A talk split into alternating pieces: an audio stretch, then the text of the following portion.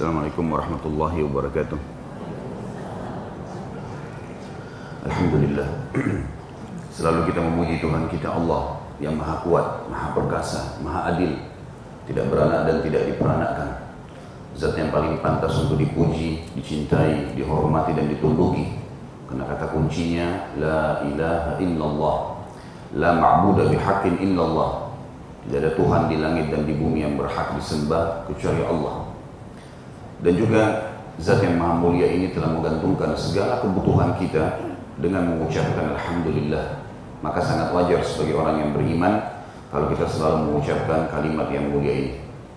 Juga kita panjatkan salam hormat kita pada manusia terbaik, pimpinan anak Adam pada hari kiamat, manusia yang telah disempurnakan jalur nasabnya, ilmunya, fisiknya, dan ditutup dengan diutusnya manusia terbaik ini risalah kenabian dan kerasulan. Allah dan malaikatnya mengucapkan salam hormat juga kepada manusia terbaik ini dan dijadikan sebagai ibadah bagi orang-orang yang beriman, maka sangat wajar sebagai pengikut yang setia. Maka sangat wajar sebagai pengikut yang setia kalau kita selalu memanjatkan salawat dan taslim kepada Nabi besar Muhammad sallallahu alaihi wasallam.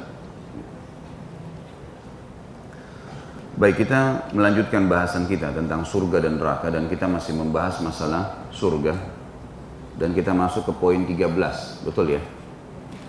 Masalah pepohonan surga. Setelah kita membahas poin yang terakhir ke-12 tentang sifat telaga Nabi Muhammad sallallahu alaihi wasallam. Seperti biasa, Ibu sekalian disiapkan uh, HP-nya Eh, program Al-Qur'annya di HP sehingga kita kalau ada ayat-ayat Al-Qur'an yang belum sempat ditulis dalam bahasa eh, bahasa Arabnya langsung terjemahan di buku kita ini kita akan baca dari mushaf kita.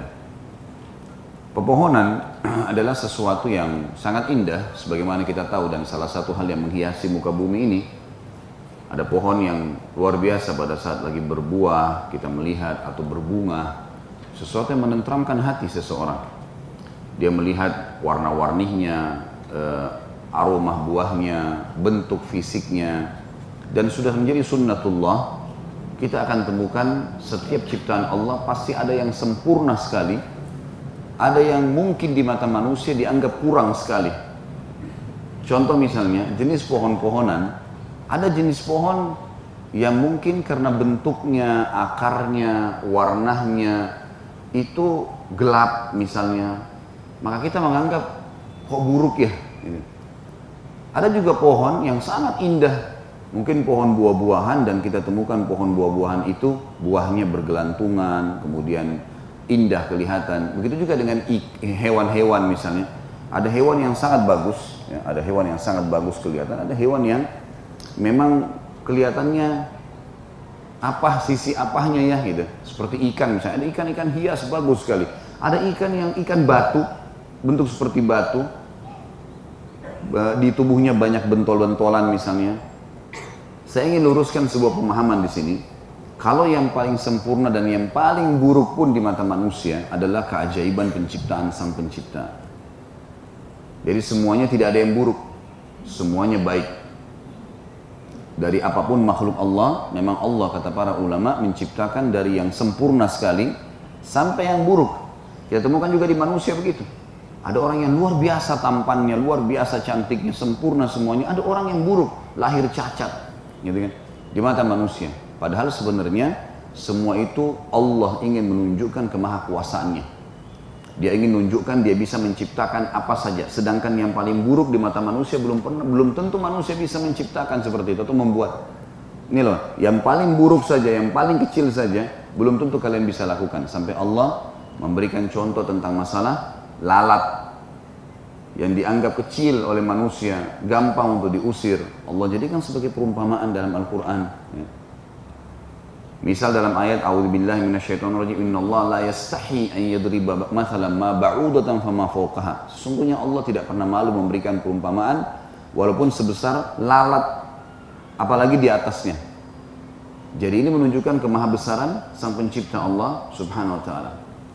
Hanya poin yang kita tidak beratkan Bapak Ibu sekalian, apa yang kita lihat di dunia dari ada yang sempurna tapi tapi tanda kutip ada juga yang kurang atau buruk di mata kita di manusia di muka bumi ini. Walaupun sudah saya jawab tadi ini menunjukkan tanda kebesaran sang pencipta Allah. Dan ini adalah satu hal yang menunjukkan kesempurnaannya sang pencipta. Di surga nanti sudah tidak ada lagi yang kita pandang buruk itu.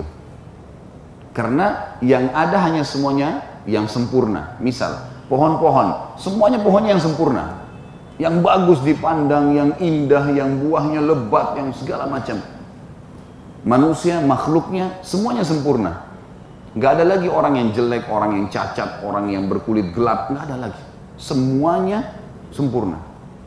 Disebutkan ciri-ciri mereka berkulit putih yang bersih, mukanya berceria, gitu, ceria. Ya. Setiap pekan selalu diperbaharui oleh Sang Pencipta Allah dengan adanya udara yang menimpa tubuh mereka sehingga mereka bertambah cantik, mereka bertambah gagah. Jadi ciptaan yang ada perbedaan antara baik, sempurna dan kurang ini sebenarnya cuma di dunia dan itu pun karena Allah ingin menunjukkan kemahabesarannya agar tidak ada makhluknya manusia dan jin yang sombong. Artinya kalaupun dianggap buruk coba kalian ciptakan. Bisa buat seperti itu? Tantangan supaya mereka beriman kepada Allah. Tapi di surga berbeda. Semua yang ada hanya kesempurnaan. Makanya kita sebutkan dari awal-awal masalah surga. Tidak ada masa tua, nggak ada masa anak-anak, semua orang berumur 33 tahun, poster tubuhnya semua sama. Laki-laki seperti Adam 60 siku ke langit, perempuan seperti Hawa 40 siku ke langit. Nggak ada lagi yang pendek, nggak ada yang lagi yang tinggi, standar semuanya. Tidak ada sakit, nggak ada letih, nggak ada gangguan orang, semuanya sempurna. Istana seorang mukmin yang paling kecil, jarak dari awal tanah ke ujung tanahnya 40 tahun. Bagaimana dengan orang yang mendapatkan istana yang lebih daripada itu? Jadi Bapak Ibu sekalian yang saya ingin beratkan dalam pembukaan kita adalah di surga apa pun yang kita bahas tidak akan sama dengan di dunia walaupun namanya sama. Walaupun namanya sama. Misal akan ada buah delima sebagaimana Allah sebutkan, ada rumman di surga. Ada disebutkan buah anggur, ada disebutkan madu, disebutkan susu. Kata ulama, ini tidak akan sama dari sisi kualitas dan bentuk dengan surga. Beda jauh. Tidak akan sama. Karena memang di sana hanya sama dengan sisi nama, tapi sebagaimana Nabi SAW mengatakan di surga semuanya akan dilihat oleh mata, tidak pernah mata lihat di dunia, semuanya yang didengar tidak pernah telinga dengar di dunia, dan semua yang ada dari hal yang kecil sampai hal yang besar tidak pernah terlintas dalam hati manusia. Jadi kita sedang bicara sesuatu yang luar biasa, bukan bicara tentang sebuah kenangan, sebuah kisah. Ini hanya e, e, meramaikan majelis sebagaimana sering saya ulangi, tapi kita sedang membahas tempat abadi yang seperti sabda Nabi SAW. Waktu ada beberapa sahabat mati syahid terbunuh di perang Khaybar, beliau mengatakan demi zat yang jiwa Muhammad dalam genggamannya, sungguh seseorang di antara kalian lebih dekat dengan surganya daripada tali sendalnya sendiri. Dan demi zat yang jiwa Muhammad dalam genggamannya, seseorang dari kalian lebih dekat dengan nerakanya daripada sendalnya sendiri. Maksudnya apa? Kita ini Bapak Ibu sekalian, saya menjamin dengan izin Allah tentunya, kalau Anda bertahan dengan pemahaman akidah yang benar, yakin tidak ada Tuhan selain Allah mengesahkannya, meyakini Nabi Muhammad SAW utusannya sehingga kita tidak menjadikan panutan kecuali beliau. Mengakini apa yang turun dalam Al-Quran dan Sunnah Nabi SAW sebagai rujukan kehidupan kita. Dan amalkan isinya. Meninggal demi Allah masuk surga. Yang kita bahas ini akan kita dapat Makna hadis Nabi SAW waktu ada sahabat mati syahid. Lalu beliau mengatakan, sungguh demi jiwa Muhammad dalam genggamannya, seseorang kalian lebih dekat dengan surganya daripada tali sendalnya, maksudnya tinggal tunggu mati. Begitu mati semua didapatkan nih.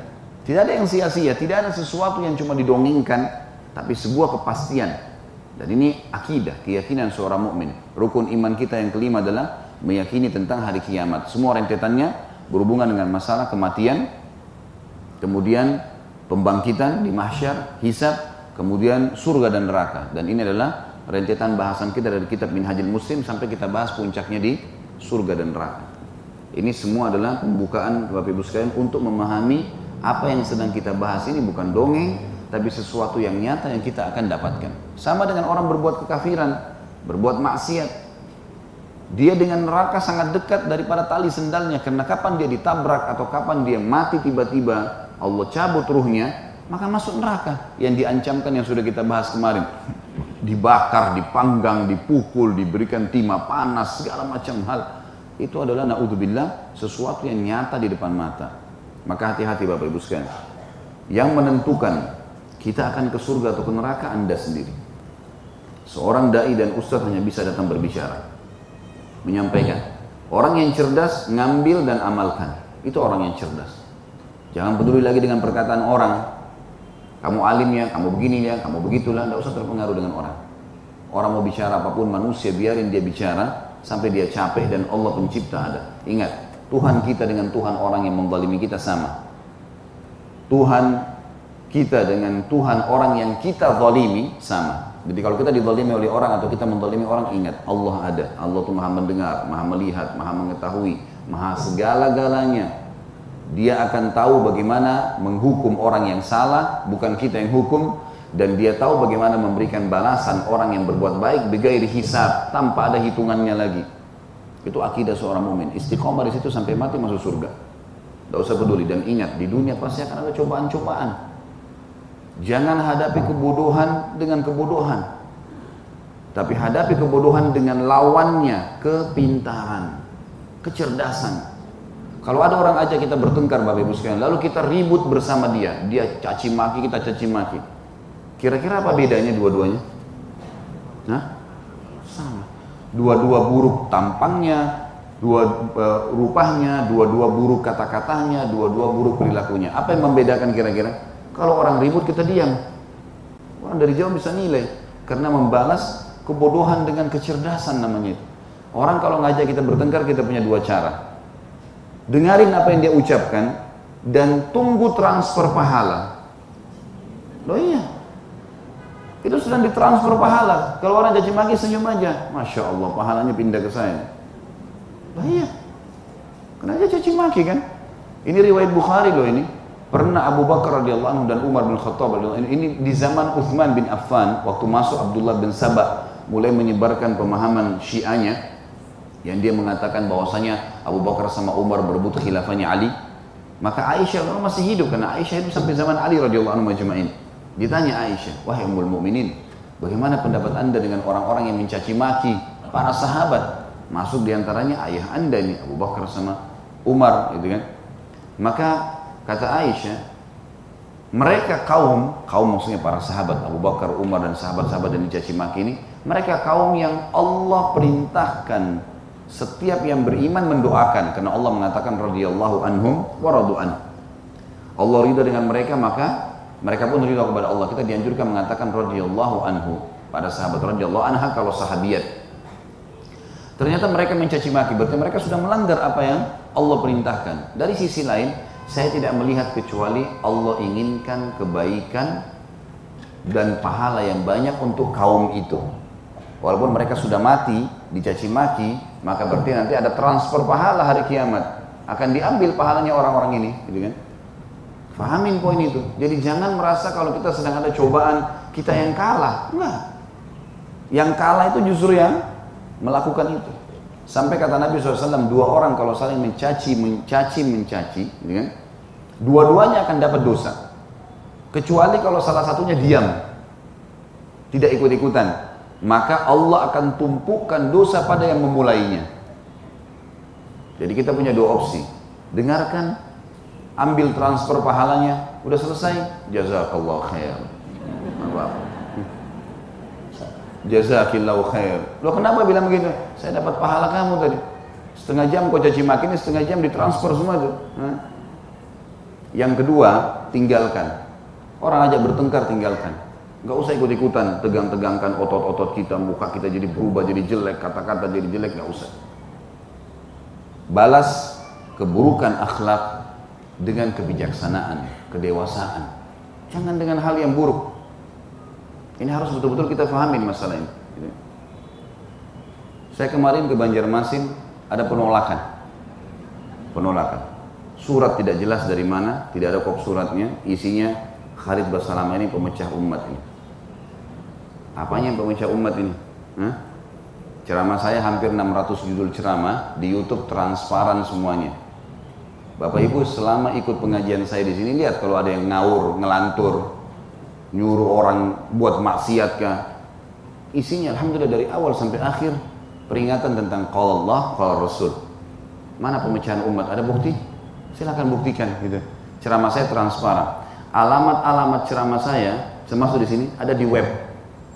Di Masjid Salman Al-Farisi, hubungin kontak personnya ini, di masjid ini, di masjid ini, jam sekian sampai jam sekian. Saya ke mana-mana semuanya terbuka. Orang muslim itu hidupnya jelas. A, A, B, B, nggak ada main-main gitu. Dari mana tuduhan-tuduhan ini? Tapi saya tahu teorinya. Teorinya tadi pada saat terjadi itu, saya sedang terima transfer. Gratis lagi. Orang-orang ini nggak paham. Apa gunanya? Subhanallah, gereja lagi Natal dijaga. Nah, lagi ada pabrik buat lafzul jalal nama Allah mau ditutup sama muslimin dijaga. Pemimpin non muslim dijaga. Syiah buat pengajian dijaga. Jelas-jelas mencaci maki sahabat keluhan. Ahli sunnah wal jamaah dianggap aliran sesat. Inilah itulah. Semoga Allah berikan hidayah. Kalau yang saya tangkap secara pribadi, tanda kutip ada proyek-proyek yang dilakukan di belakang dakwah, mengatasnamakan dakwah. Orang-orang yang terganggu dengan masalah itu. Proyek-proyek ini berdosa, haram dalam agama. Menunggangi menunggangi keadaan ceramah atau keadaan agama untuk jadi proyek. Kalau ada orang mati sekian hari bayar sekian juta. Ini kan habis semua dengan dakwah sunnah. Tidak ada proyek-proyek seperti itu. Subhanallah saya pas bilang itu ada satu jemaah di mobil bilang sama saya, panitia. Ustadz saya sendiri alamin, waktu kerabat saya mati saya telepon salah seorang, oke okay, siapin satu juta satu hari ya, tujuh hari hari kematian tujuh juta. Udah jadi proyek itu. Kuburan diambil tanahnya. Berapa banyak kuburan yang dikultuskan, itu tiap hampir tiap hari mobil truk datang ngantar pasir baru, tanah baru. Dijual. Sampai teman-teman di Banjarmasin sama saya satu genggam bisa 75 ribu Ustaz. Dan saya sendiri mengalami, dia bilang, setelah paham sunnah ini, malah saya tinggalkan. Jadi memang pemahaman sunnah ini mengganggu mereka, karena kembali kepada kemudian agama. Sunnah itu murah, mudah. Orang kalau mati, kasih dua kain kafan, sholatin, kubur, selesai. Takziah tiga hari, tidak lebih daripada itu. Orang-orang datang bawain makanan dan doakan, sabarkan. Bukan dia lagi sibuk masakin orang. Murah, simple, mudah. Itu agama. Ini yang mereka anggap tidak baik ada tuduhan takfiri lah. Kapan pernah saya kafirkan orang? Ini kan keliru semuanya. Ya. Tapi tetap saya mengatakan, saya bilang sama jemaah kumpul sampai ribuan orang kemarin. Akhirnya datang ke tempat yang saya sewa, apa yang saya dipanggil nginep. Saya bilang ingat jemaah, saya minta antum pulang ke rumah, jangan buat keributan, jangan emosi, nggak perlu. Jawab kebodohan dengan ke, ke, kebijaksanaan, ke, ke, kecerdasan. Jawab keterpurukan akhlak, ini dengan kebijaksanaan dan dewasa. Tidak ada yang perlu dimasalahkan. Allah selalu bersama dengan orang-orang yang beriman. Tidak ada yang salah kok. Gitu kan?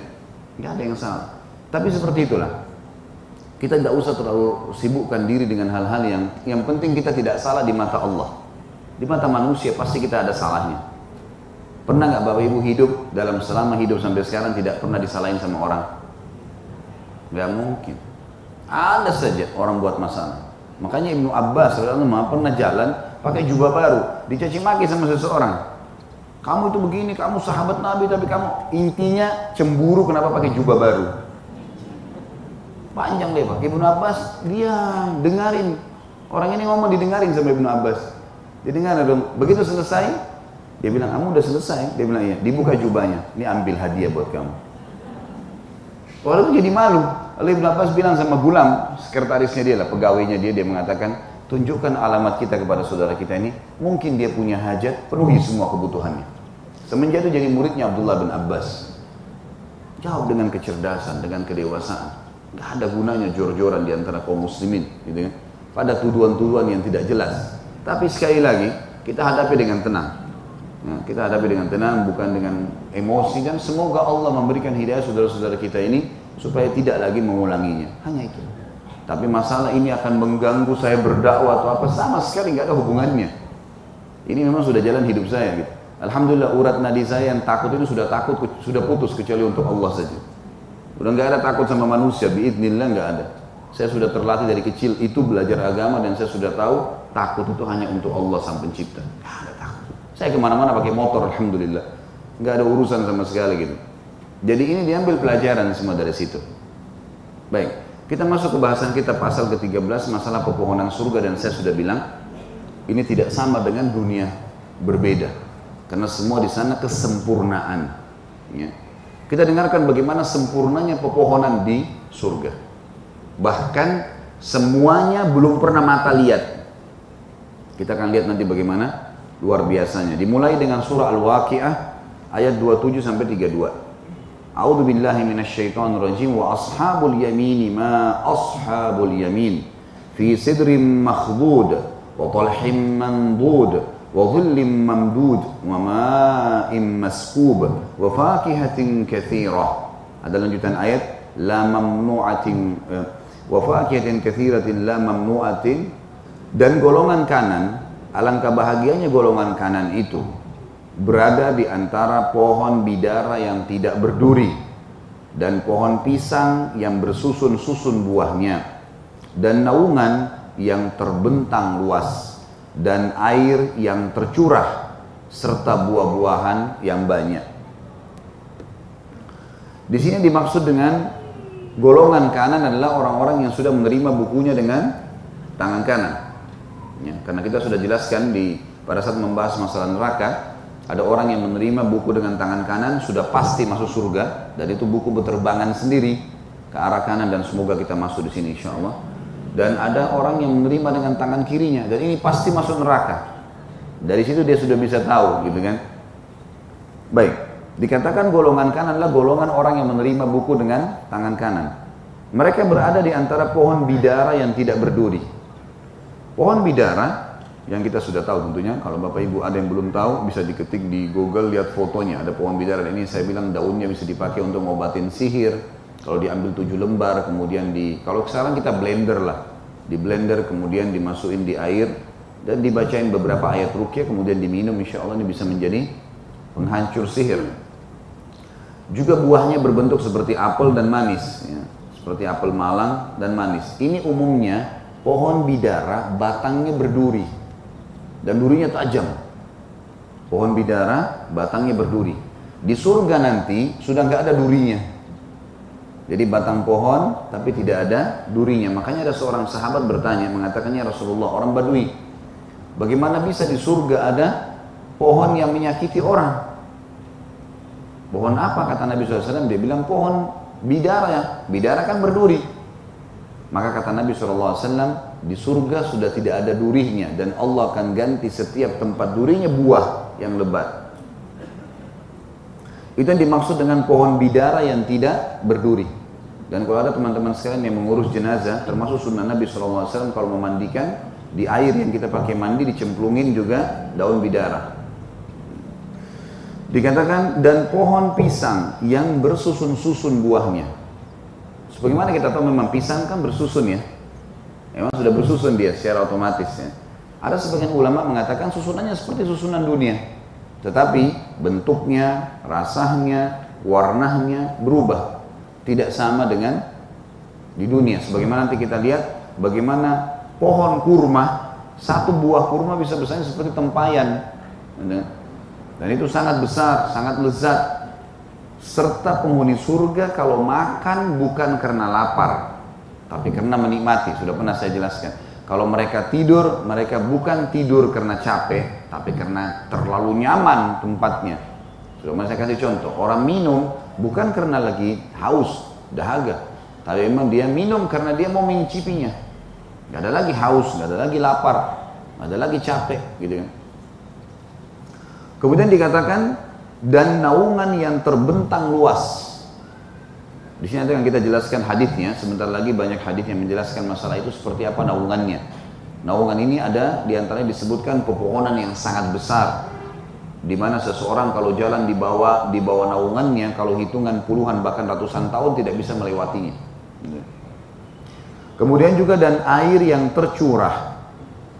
Ada makna daripada air yang tercurah adalah air yang selalu siap tercurah. Kayaknya mungkin belum sampai memang ada bahasan nanti tentang lautan dan sungai, mata air surga, itu akan ada penjelasan, ada lautan yang besar, kemudian akan ada sungai-sungai yang dari lautan tersebut terpancar sungai tersebut, ada yang memiliki e, tempat wadah seperti kita di dunia, tapi wadahnya kalau di dunia kan tanah ya, sehingga ada kemungkinan kalau hujan, kalau apa akhirnya jadi kotor air sungai itu. Kalau di surga enggak, ya, pinggirannya itu semua dari lempengan-lempengan emas. Airnya jernih sekali. Gitu. Kan. Dan ada juga sumber-sumber air di surga yang airnya tidak menyentuh tanah. Tidak menyentuh tanah. Tapi dia berada di atas tanah. Jadi kita melihatnya tanpa ada kaca yang menahannya. Air mengalir jalan seperti itulah. Jadi itu yang dimaksud dengan makna air yang tercurah. Sebelumnya sudah pernah kita bahas belum masalah air? Sudah kan? Nah itu Alhamdulillah penjelasan di pasal ke-11. Seperti itu. Itu yang dimaksud dengan air yang tercurah. Dan buah-buahan yang banyak. Buah-buahan yang banyak artinya tidak akan pernah habis stoknya. Karena ada hadis yang menjelaskan kalau buah surga dipetik keluar baru. Dipetik keluar baru. nggak pernah habis. Dengan bentuk yang sama, rasa yang sama, warna yang sama. Tidak akan pernah habis. Saksi bahasan kita adalah dan naungan yang terbentang luas. Nanti kita jelaskan di hadisnya yang dimaksud adalah pepohonan surga yang sangat besar sehingga orang bisa merasa bernaung di bawahnya. Kemudian firman Allah dari yang kedua surah Ar-Rahman ayat 46 sampai 47. A'udzu billahi minasyaitonir rajim. Waliman khafa maqama rabbih jannatan fabi ayyi ala'i rabbikuma tukadziban. Dan bagi orang yang takut saat menghadap Robnya ada dua surga maka nikmat Rob kamu yang manakah yang kamu dustakan? Kedua surga itu mempunyai pepohonan dan buah-buahan. Saksi bahasan adalah masalah pepohonan disebutkan di sini. Jadi memang banyak sekali pepohonan di surga. Kita tahu kalau orang punya rumah, halamannya luas, banyak pepohonan ditata rapi, indah sekali kelihatan. Itu yang dimaksud dengan makna pepohonan yang sangat banyak. Kemudian juga dalam surah Ar-Rahman sama surah tadi tapi ayat 62 sampai 64 yang Allah berfirman a'udzu billahi minasyaitonir rajim wa min dunihi ma jannatan fa bi ayyi ala'i rabbikuma tukadziban mudhammatan dan selain surga itu ada dua surga lagi mana maka nikmat Rob kamu yang manakah yang kamu dustakan kedua surga itu kelihatan hijau tua warnanya makna daripada kedua surga itu berwarna hijau adalah bisa fisik surganya berwarna hijau atau memang penuh dengan pepohonan sehingga terdominasi dengan warna hijau. Nah, kita sudah tahu memang pepohonan berwarna hijau. Salah satu terapi mata yang menyehatkan kan kalau melihat yang berwarna hijau, apalagi alami dari tumbuh-tumbuhan. Nah, itu sesuatu yang positif ya. Kemudian surah Al-Mursalat ayat 41 Ini semua ayatnya masih datang dalam bentuk global akan kita rincikan dengan hadis Nabi SAW. Sebentar lagi akan banyak hadisnya datang. Allah berfirman, "A'udzu billahi minasyaitonir rajim. Innal muttaqina fi dhilalin wa 'uyun." Sesungguhnya orang-orang yang bertakwa berada dalam naungan yang teduh dan di sekitarnya ada mata-mata air. Di sekitar pohon ada mata-mata air dan sudah kita jelaskan di pasal 11 tentang masalah mata-mata air surga. Baik, untuk mendapatkan jawaban yang lebih jelas dari ayat-ayat tadi kita dengarkan penyampaian baginda Nabi sallallahu alaihi. Hadis pertama hadis riwayat Bukhari Anas bin Malik radhiyallahu anhu menceritakan sabda Rasulullah sallallahu alaihi wasallam di surga terdapat sebuah pohon. Ini dibahas satu pohon. Bukan semua pohon, terdapat sebuah pohon artinya ada satu pohon di surga atau menggambarkan pohon itu satu pohonnya seperti ini. Yang untuk melintasi naungannya seseorang pengendara memerlukan waktu 100 tahun tanpa henti jika kalian suka, kata Nabi SAW ini, bacalah firman Allah dan naungan yang terbentang luas dan air yang tercurah. Tadi surah Al-Waqiah. Yang awal kita baca kan ada, di situ disebutkan, dan naungan yang terbentang luas. Makanya tadi saya bilang, ini akan dirincikan dari dalam hadis Nabi SAW.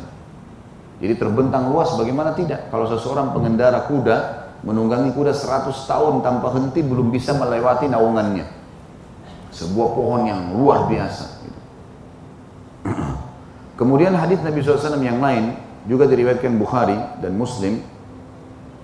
Tentu di footnote disebutkan nomor hadisnya dan jilid bukunya. Ini saya tidak sebutkan lagi. Abu Sa'id al-Khudri anhu meriwayatkan sabda Rasulullah SAW di surga terdapat sebuah pohon yang dilintasi seorang penunggang yang lihai lagi cepat selama 100 tahun tanpa henti. Jadi sangat besar sangat luas. Juga hadis yang ketiga diriwayatkan oleh Tirmidzi dan dihasankan hadisnya oleh beliau Hasan Sahih. Asma binti Abi Bakar radhiyallahu anhu menuturkan, aku mendengarkan Rasulullah SAW menyebut Sidratil Muntaha seraya bersabda untuk melintasi naungan dahan-dahan dari pohon surga seorang pengendara memerlukan waktu 100 tahun atau beliau bersabda bernaung di bawah dahan pohon itu 100 pengendara. Hamparannya terbuat dari emas buah-buahnya laksana puncak gunung. Dan hadis ini Hasan Sahih. Maksudnya adalah hamparannya terbuat dari emas batang pohonnya dari emas. Di sekitarnya jalan yang dilalui terbuat dari emas. Kemudian buah-buahnya laksana puncak gunung. Kita tahu di puncak gunung mengerucut. Dan buah seperti buah anggur misalnya, kita lihat kalau buah itu lagi padat di tangkainya maka kita akan temukan pasti di bawahnya ngerucut. Makanya dibahasa, bahasakan seperti puncak gunung. Jadi sangat banyak ya, bergelantungan. Saksi bahasan kita adalah dahan-dahan pohon itu bisa dilewati oleh 100 pengendara dan kalau digabungkan dua riwayat ini adalah 100 pengendara dengan kecepatan tinggi dan berjalan 100 tahun. Selanjutnya hadis diriwayatkan Ibnu Abi Dunya mauquf dan sanatnya bagus atau baik bisa diterima sebagaimana dinyatakan oleh Hafidh Mundri dalam Targhib. Ibnu Abbas radhiyallahu menceritakan pohon kurma itu, pohon kurma surga akarnya dari zamrud hijau. Ibnu Abbas radhiyallahu menceritakan pohon kurma itu surga, eh, pohon kurma di surga itu akarnya dari zamrud warna hijau. Jadi tadi saya bilang ya, jadi sama nama tapi tidak sama. Di dunia akarnya dari batang pohon itu sendiri. Ini enggak, dari batu zamrud. Pohon akarnya dari batu zamrud. Susah untuk dibayangkan gitu. Tapi kuasa Allah. Kemudian batangnya terbuat dari emas merah. Pelapahnya adalah pakaian ahli surga. Sur darinya terbuat pakaian dan gaun mereka dan buahnya sebesar tempayan dan timba yang warnanya lebih putih daripada susu, rasanya lebih manis daripada madu, lebih lunak daripada bui, tidak ada bijinya. Hmm. Ini buahnya. Bayangkan kalau seperti tempayan besarnya atau seperti meja ini, gitu. Orang begitu luar biasa menikmatinya dan orang ahli surga bisa memakan sebanyak mungkin karena tidak ada lapar, tidak ada kenyang nggak ada rasa itu. Dia nikmatin. Jadi dia pindah ke buah yang lain itu karena dia mau mencoba buah yang lain. Dia akan makan sepuasnya.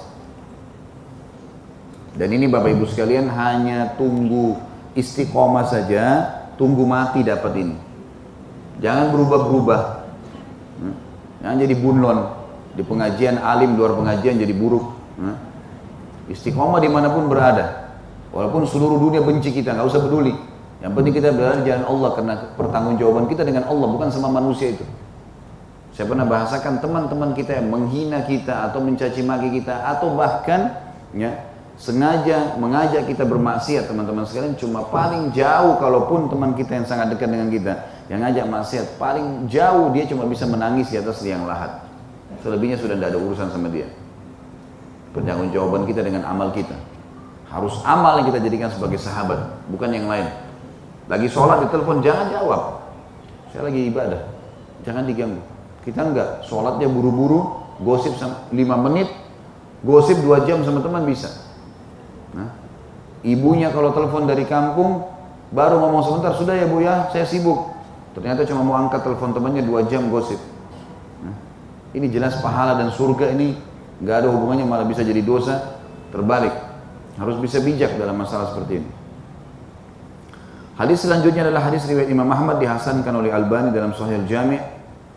Abu Sa'id Al-Khudri radhiyallahu menuturkan sabda Rasulullah SAW sangat mengagumkan sebuah pohon di surga, tingginya sejauh perjalanan 100 tahun.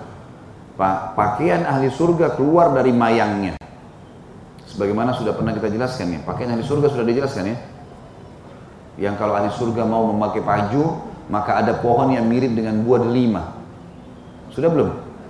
Ya nanti akan mendekat ke dia lalu terbuka buah itu terdapat di dalamnya 70 gaun yang dia bisa milih mana saja dia inginkan. Dan setiap gaun kalau sudah dipakai tidak lagi nih ulangin. Selalu gaun baru. Itu semua yang ada di surga. Kemudian hadis yang selanjutnya adalah riwayat Tirmidzi disahihkan oleh Albani juga dalam Sahih Jami. Abu Hurairah meriwayatkan Nabi SAW bersabda tidak ada satu pohon pun dalam surga kecuali batangnya terbuat dari emas. Lempengan emas ya. Batang pohonnya. Jadi bukan lagi kayak batang pohon kita sekarang. Tentu Bapak Ibu sekalian kalau kita mau perdekatkan masalah, jadi kita bisa lihat kalau kursi misalnya dibuat dari emas, dibuat sedemikian rupa sempurna rapi, Orang merasa kagum, umumnya manusia begitu. Merasa kagum, sandar padahnya dan seterusnya, gitu kan. Emas kecil aja diperebutkan untuk dibeli, apalagi kalau sudah menjadi seperti tempat duduk atau ranjang atau rumah. Nah ini dibuat semua batangannya dari emas-emas lempengan. Hadis selanjutnya adalah hadis diriwayatkan oleh At-Tabarani dalam Al-Kabir dan disahihkan oleh Albani, Abdullah bin Amr bin As radhiyallahu anhu meriwayatkan sabda Nabi SAW, induk aroma surga adalah belas kasih. Ya. Dalam arti kata memang ini bahasa ya, bahasa menjelaskan kepada kita semuanya yang kita akan cium aroma di surga itu akan memunculkan rasa kasih dalam diri kita. Ya, dalam rasa kasih. Jadi dari kata, kata kita akan merasa sangat senang dengan eh, apa pun yang kita cium wah baunya selalu wangi dan selalu berisi dengan aroma yang baik. Selanjutnya hadis terakhir dalam bab kita ini dalam pasal kita adalah riwayat Tirmidzi dihasankan oleh Albani dalam Sahihul Jami'. Ibnu Mas'ud radhiyallahu anhu menuturkan sabda Rasulullah sallallahu alaihi wasallam Aku bertemu dengan Ibrahim pada malam Isra'ku maka beliau berkata kepada wahai Muhammad, sampaikan salamku pada umatmu dan kabarkan pada mereka bahwa surga itu tanahnya harum. Airnya menyegarkan. Surga itu lembah yang subur dan tanamannya adalah subhanallah, alhamdulillah, wala ilaha illallah, wallahu akbar. Jadi nanti kalau di surga nggak ada lagi sholat, nggak ada lagi puasa, nggak ada ibadah lain kecuali zikrullah. Dan satu-satunya ibadah yang kata para ulama itu diperintahkan oleh Allah dari dunia sampai di surga adalah zikrullah. Makanya Nabi SAW pernah bersabda dalam sebuah hadis, maukah kalian mengerjakan sebuah amal yang lebih baik daripada kalian bersodokah dengan emas dan perak, daripada kalian membebaskan budak, daripada kalian memberikan kepada fakir miskin, daripada kalian uh, apa namanya, uh, daripada kalian pergi ke medan perang menebas leher musuh kalian dan kalian ditebas leher kalian. Kalian bunuh musuh sampai atau kalian dibunuh. Kata para sahabat tentu ya Rasulullah, kami mau. Kata Nabi SAW, lisanmu selalu dalam keadaan zikrullah. Ini sudah pernah saya bilang Bapak Ibu sekalian, jangan diam, jangan diam. Dalam arti kata, kita ngomong sesuatu yang bermanfaat, ada maslahatnya, nasihat, atau pada saat tidak ngomong berzikir. Zikir. Zikrullah. Syekh Bimbas itu disebutkan, salah satu hal yang beliau lakukan adalah kalau terima telepon, lagi dengarin orang mengeluh, lidahnya sambil berzikir. Terima teleponnya orang sambil dia berzikir. Subhanallah, Alhamdulillah, la ilaha illallah, Allahu Akbar. Berzikir kepada Allah. Kalau sudah selesai orang itu ngomong, cuma dia yang dengar tentunya. Ada orang muridnya di sebelah menukil kepada kita kisahnya, dia lihat itu. Kemudian setelah itu, ya beliau menjawab pertanyaan orang tadi. Jadi nggak ada lisannya diam. Kita kadang-kadang diam dan diam diam itu kalau tidak digunakan dalam tafakkur, ya, atau berzikir kepada Allah akan ditunggangi oleh syaitan mengkhayal. Maksimalkan dengan zikrullah selalu. Dan ini ibadah yang tidak akan pernah punah karena sampai di akhirat nanti sampai di surga kita tetap dalam keadaan berzikir kepada Allah sang pencipta. Allahu alam. Tentu kalimat ini juga subhanallah alhamdulillah wala ilaha illallah Allah akbar ada hadisnya yang kata Nabi SAW aku ucapkan sekali saja lebih aku cintai daripada terbitnya matahari untukku. Jadi kita bisa bayangkan maksudnya daripada kehidupan karena kalau matahari tidak ada, tidak ada kehidupan. Maka dengan adanya matahari kayak sekarang menerangi bumi, menerangi alam semesta, itu subhanallah, alhamdulillah, wala illallah akbar dibaca sekali lebih baik daripada itu. Bagaimana kalau kita baca 10 kali, 100 kali? Maka ini fadilah yang besar. Allah ta'ala menjadikan itu sebagai ya, tanaman di surga. Baik, ini pasal ke-14. Kita masuk sekarang ke pasal ke dan pasal ke-13 tadi. Pohon pepohonan sekarang kita masuk pasal ke-14. Karena ini berhubungan masalah makanan dan minuman ahli surga. Makanan dan minuman ahli surga. Dan ini silakan disiapkan mushafnya karena ada beberapa ayat Al-Quran yang memang butuh untuk kita buka mushaf kita. Tidak ditulis secara uh, dalam tulisan bahasa Arabnya di buku kita ini dalil yang pertama disebutkan surah Al-Waqi'ah ayat 20 A'udzu billahi minasyaitonir rajim wa fakihatin mimma yatakhayyarun. Dan buah-buahan dari apa yang mereka pilih. Saksi bahasan ada kalimat buah-buahan. Berarti di surga akan ada buah-buahan. Dalil yang kedua surah Sad. Surah nomor 38 ayat 49 sampai 51. A'udzu billahi minasyaitonir rajim.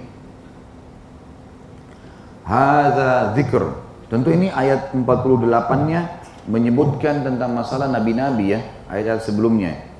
Dan ini juga sebuah pelajaran penting Bapak Ibu sekalian, saya sekalian titip beratkan. Kalau ini kan saksi bahasan ayat 49 sampai 51. Kalau kita kembali ke surah Sad, beberapa ayat ke belakangnya kita akan temukan kisah-kisah para nabi. Dan saya sarankan mulai sekarang, mulai hari ini Bapak Ibu sekalian jadwalkan setiap hari baca satu kisah nabi. Satu kisah nabi. Ketik saja di Google kisah Nabi Adam, baca. Besok kisah Nabi Idris, besoknya Hud, besoknya Saleh. Baca semua kisah Nabi karena ini manusia-manusia terbaik. Apa yang Allah sebutkan di sini di ayat 49 itu tentang surga setelah menyebutkan kisah para nabi-nabi. Di antaranya kalau kita review satu ayat saja ke atas, itu Allah mengatakan a'udzubillahi minasyaitonirrajim ayat 48-nya wadhkur Ismail wal Yasa' wa dzal kifl kullum minal akhyar. Ingatlah kisah, pelajari, baca kata Allah, kisah Ismail, Ilyasa dan Zulkifli. Sesungguhnya semuanya termasuk orang-orang yang baik. Kalau Bapak Ibu review beberapa ayat di atas semua kisah nabi-nabi itu banyak. Lalu Allah sebutkan di saksi bahasan kita ayat 49, "Hadza dzikr wa inna lil muttaqina la husna ma'ab." Ini adalah kehormatan bagi mereka atau terjemahan lainnya adalah zikir ini peringatan. Ini informasi penting buat kalian, hai orang-orang yang selain nabi-nabi. Kita ini semua. Ambil pelajaran dari para nabi-nabi itu. Dan sesungguhnya orang-orang yang bertakwa mau ikutin nabi-nabi itu sehingga patuh kepada Allah, mereka akan mendapatkan tempat kembali yang baik. Apa itu?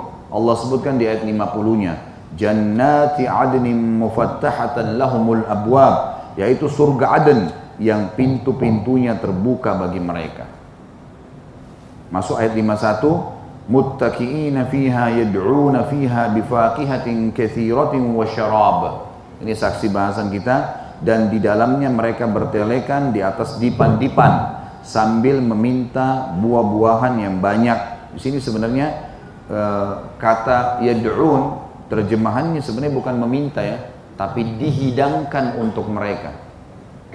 Dihidangkan sambil dihidangkan buah-buahan yang banyak dan minuman yang banyak pula di surga. Saksi bahasan kita adalah adanya buah-buahan yang sangat banyak. Dan seperti biasa, tadi saya jelaskan, selalu ayat Al-Quran datang sifatnya global menjelaskan kepada kita nanti kita akan dengarkan bagaimana Nabi SAW merincikan buah-buahan ini dalam hadis-hadis beliau Sallallahu Alaihi Wasallam. Kita pindah ke ayat setelahnya surah Insan ayat 5 dan ayat 6. Saya akan bacakan dari ayat 1 ya supaya nyambung karena ini tidak terlalu jauh ayatnya.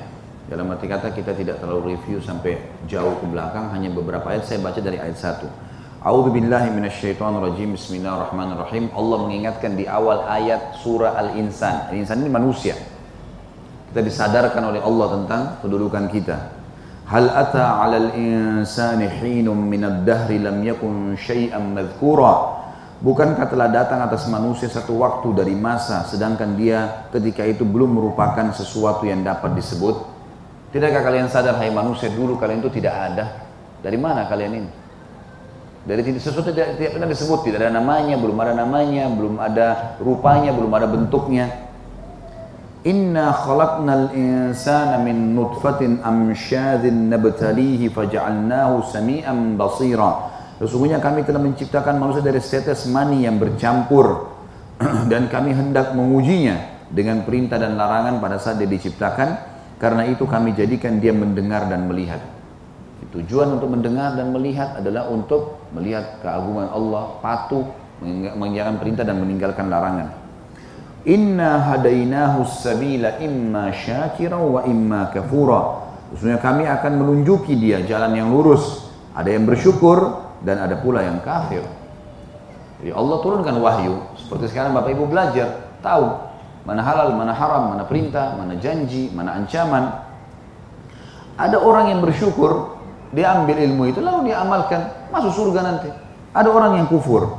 Lalu Allah sebutkan tentang orang yang kufur yang tidak mau ikut dengan wahyu Allah, inna a'tadna lil kafirina salasila wa aglala wa sa'ira. Sesungguhnya kami menyediakan bagi orang-orang kafir rantai, belenggu dan neraka yang menyala-nyala.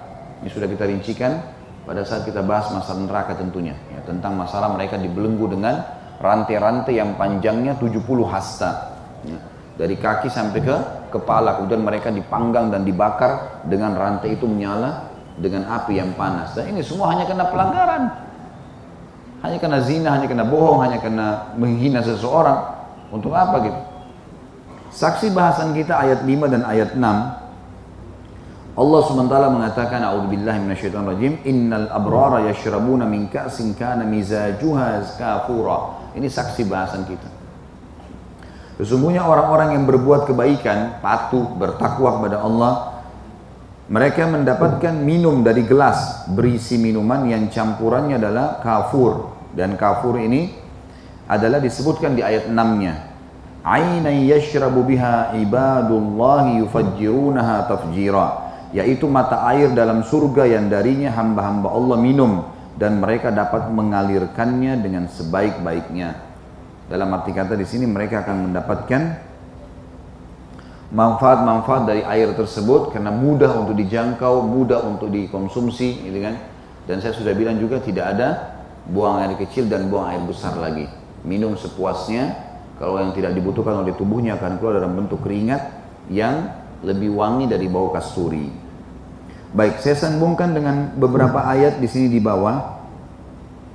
Sampai ayat 9 Allah Subhanahu wa taala menyebutkan tentang apa sebabnya mereka mendapatkan fadilah surga tadi. Di antara amal-amalnya adalah yufuna bin nadri wa yakhafuna yawman kana syarruhu mustatira. Tentu saksi bahasan sudah selesai tadi di ayat ke-6-nya. Tapi ini saya tambahkan. Mereka menunaikan nazar dan takut akan suatu hari yang azabnya merata di mana-mana. Jadi mereka kalau bernazar mereka jalankan. Sudah bernazar jalankan. Walaupun nazar ini hukumnya makruh. Kenapa dimakruh kalau di sebagian ulama? Karena dianggap kalau ya kalau dia berhasil, misal anak saya lulus, anak saya sembuh, saya puasa tiga hari, dia nazar. Ini kalau berhasil wajib dia jalankan. Tapi kalau dia nazar dia jalankan, intinya itu.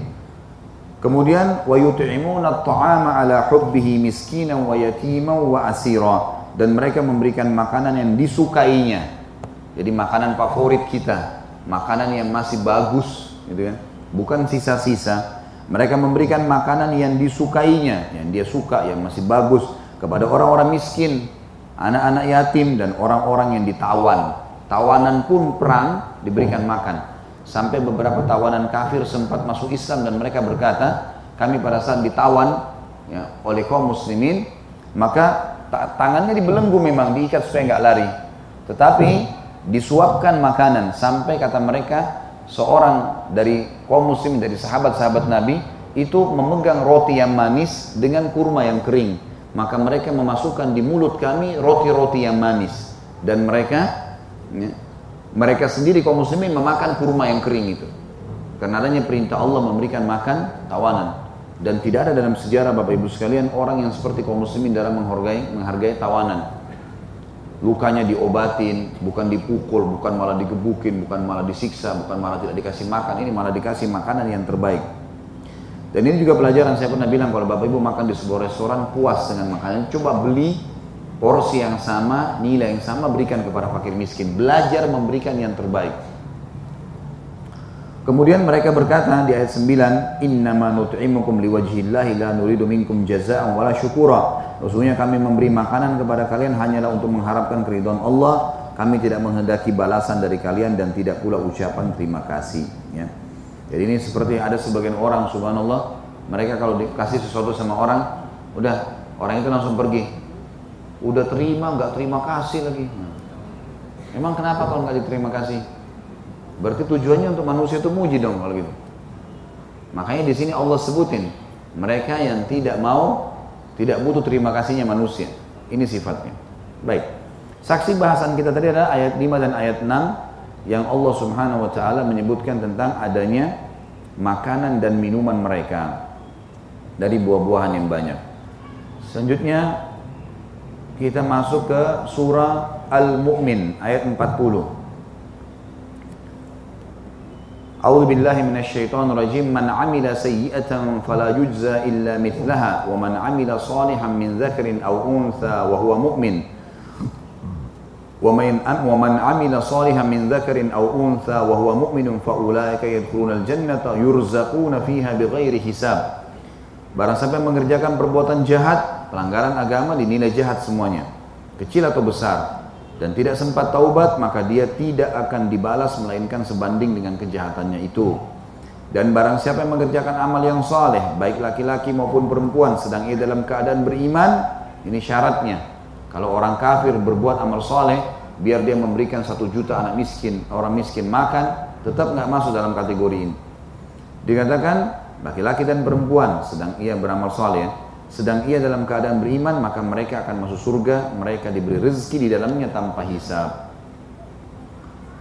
Kemudian juga dalam surah Zukhruf ayat 71 yang dimaksud dengan mereka diberikan rezeki di sini di dalamnya tanpa hisab masuk dalamnya makanan dan minuman selain pakaian, istana dan seterusnya. Surah Zukhruf ayat 71 berbunyi A'udzubillahi minasyaitonirrajim wa fiha ma tashtahihi al-anfusu wa taladzul a'yun. Di dalam surga terdapat segala sesuatu yang diinginkan oleh hati dan sedap dipandang oleh mata.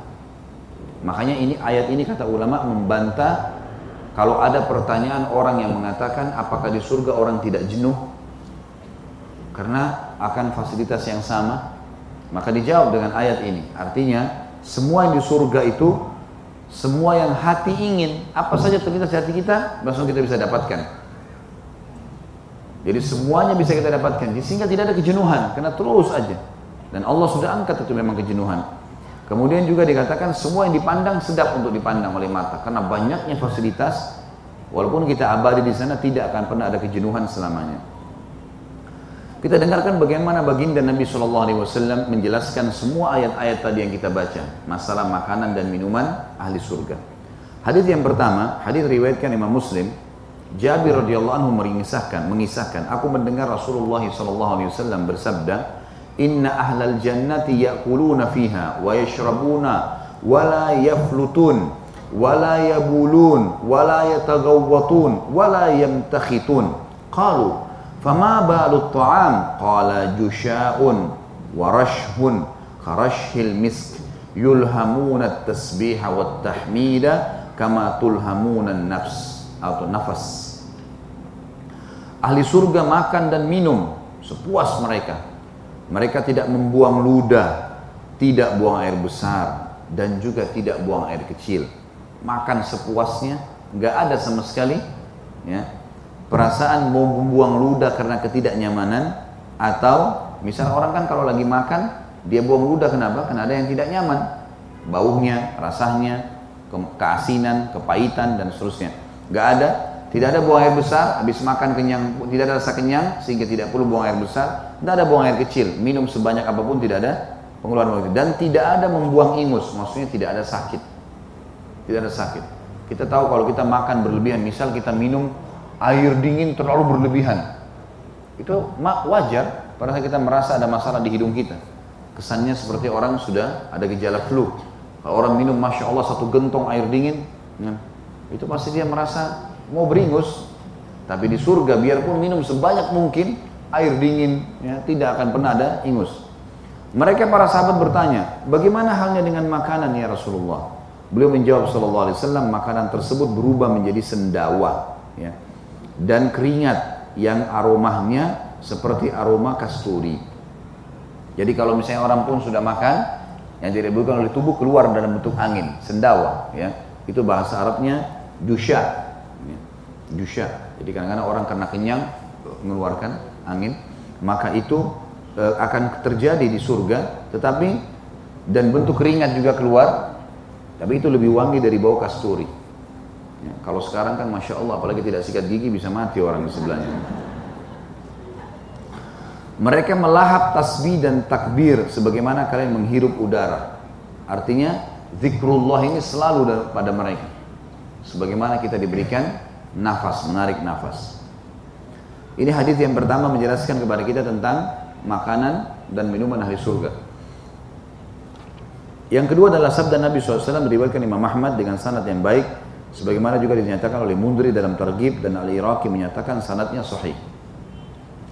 Anas radhiyallahu anhu mengatakan Rasulullah SAW bersabda sungguhnya burung surga itu sebesar unta yang hinggap di pepohonan surga.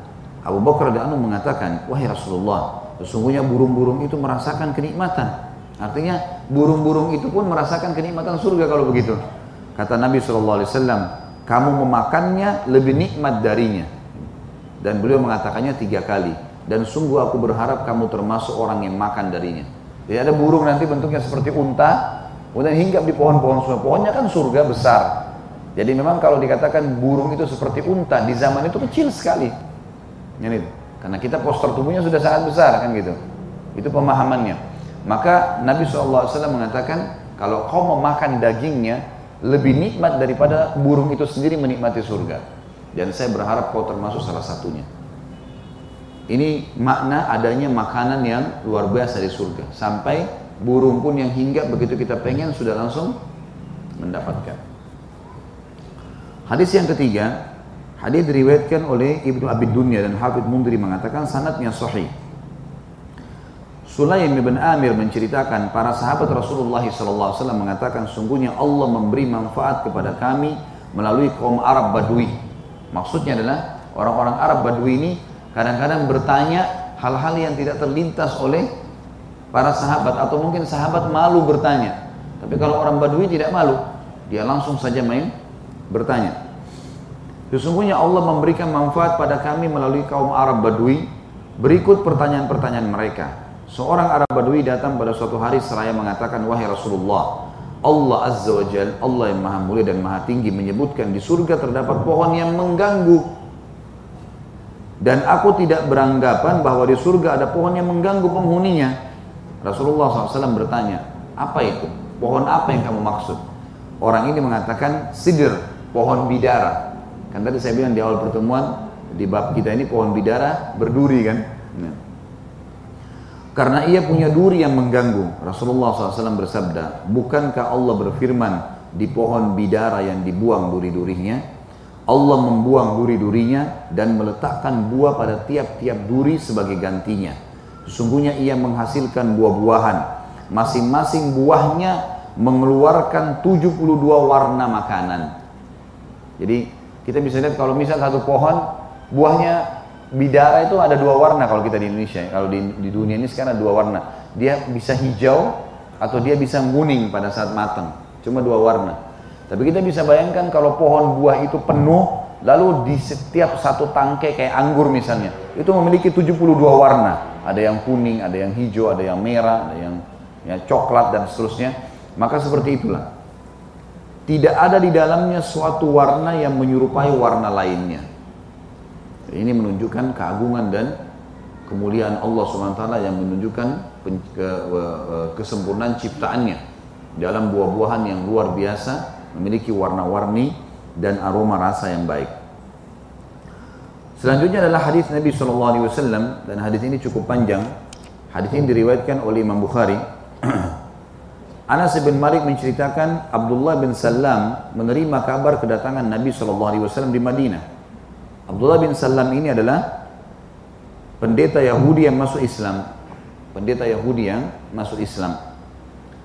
Maka ia mendatangi mendatangi beliau SAW seraya mengatakan, Aku bertanya kepadamu tentang tiga perkara yang hanya diketahui oleh seorang nabi. Jadi Abdullah bin Salam ini mau masuk Islam. Dia pendeta Yahudi. Dan dia pendeta Yahudi yang paling pintar. Menghafal Taurat. Begitu dengar Nabi SAW masuk di Madinah, dia langsung mau masuk Islam. Tapi dia bilang, saya akan bertanya kepada anda tiga pertanyaan yang tidak ditahu oleh kecuali oleh Nabi. Kalau jawab saya masuk Islam. Gitu. Pertanyaan pertama, apa awal tanda hari kiamat? Yang kedua, apa makanannya ahli surga? Dan ini saksi bahasan kita pertanyaan beliau yang kedua. Dan dari suatu apakah anak-anak itu mirip kepada ayahnya? Dan dari sesuatu apa anak menyerupai paman-pamannya? Maka Rasulullah SAW bersabda, tadi Jibril mengabarkan kepadaku jawaban tiga perkara tersebut. Abdullah mengatakan dia musuh dia musuh Yahudi dari kalangan malaikat. Ya. Dia musuh Yahudi dari kalangan malaikat maksudnya adalah si Abdullah bin Salam ini sempat mengatakan Jibril itu yang Nabi sebutkan itu musuhnya orang Yahudi dari kalangan malaikat. Jadi orang Yahudi membenci Jibril alaihissalam. Membenci Jibril.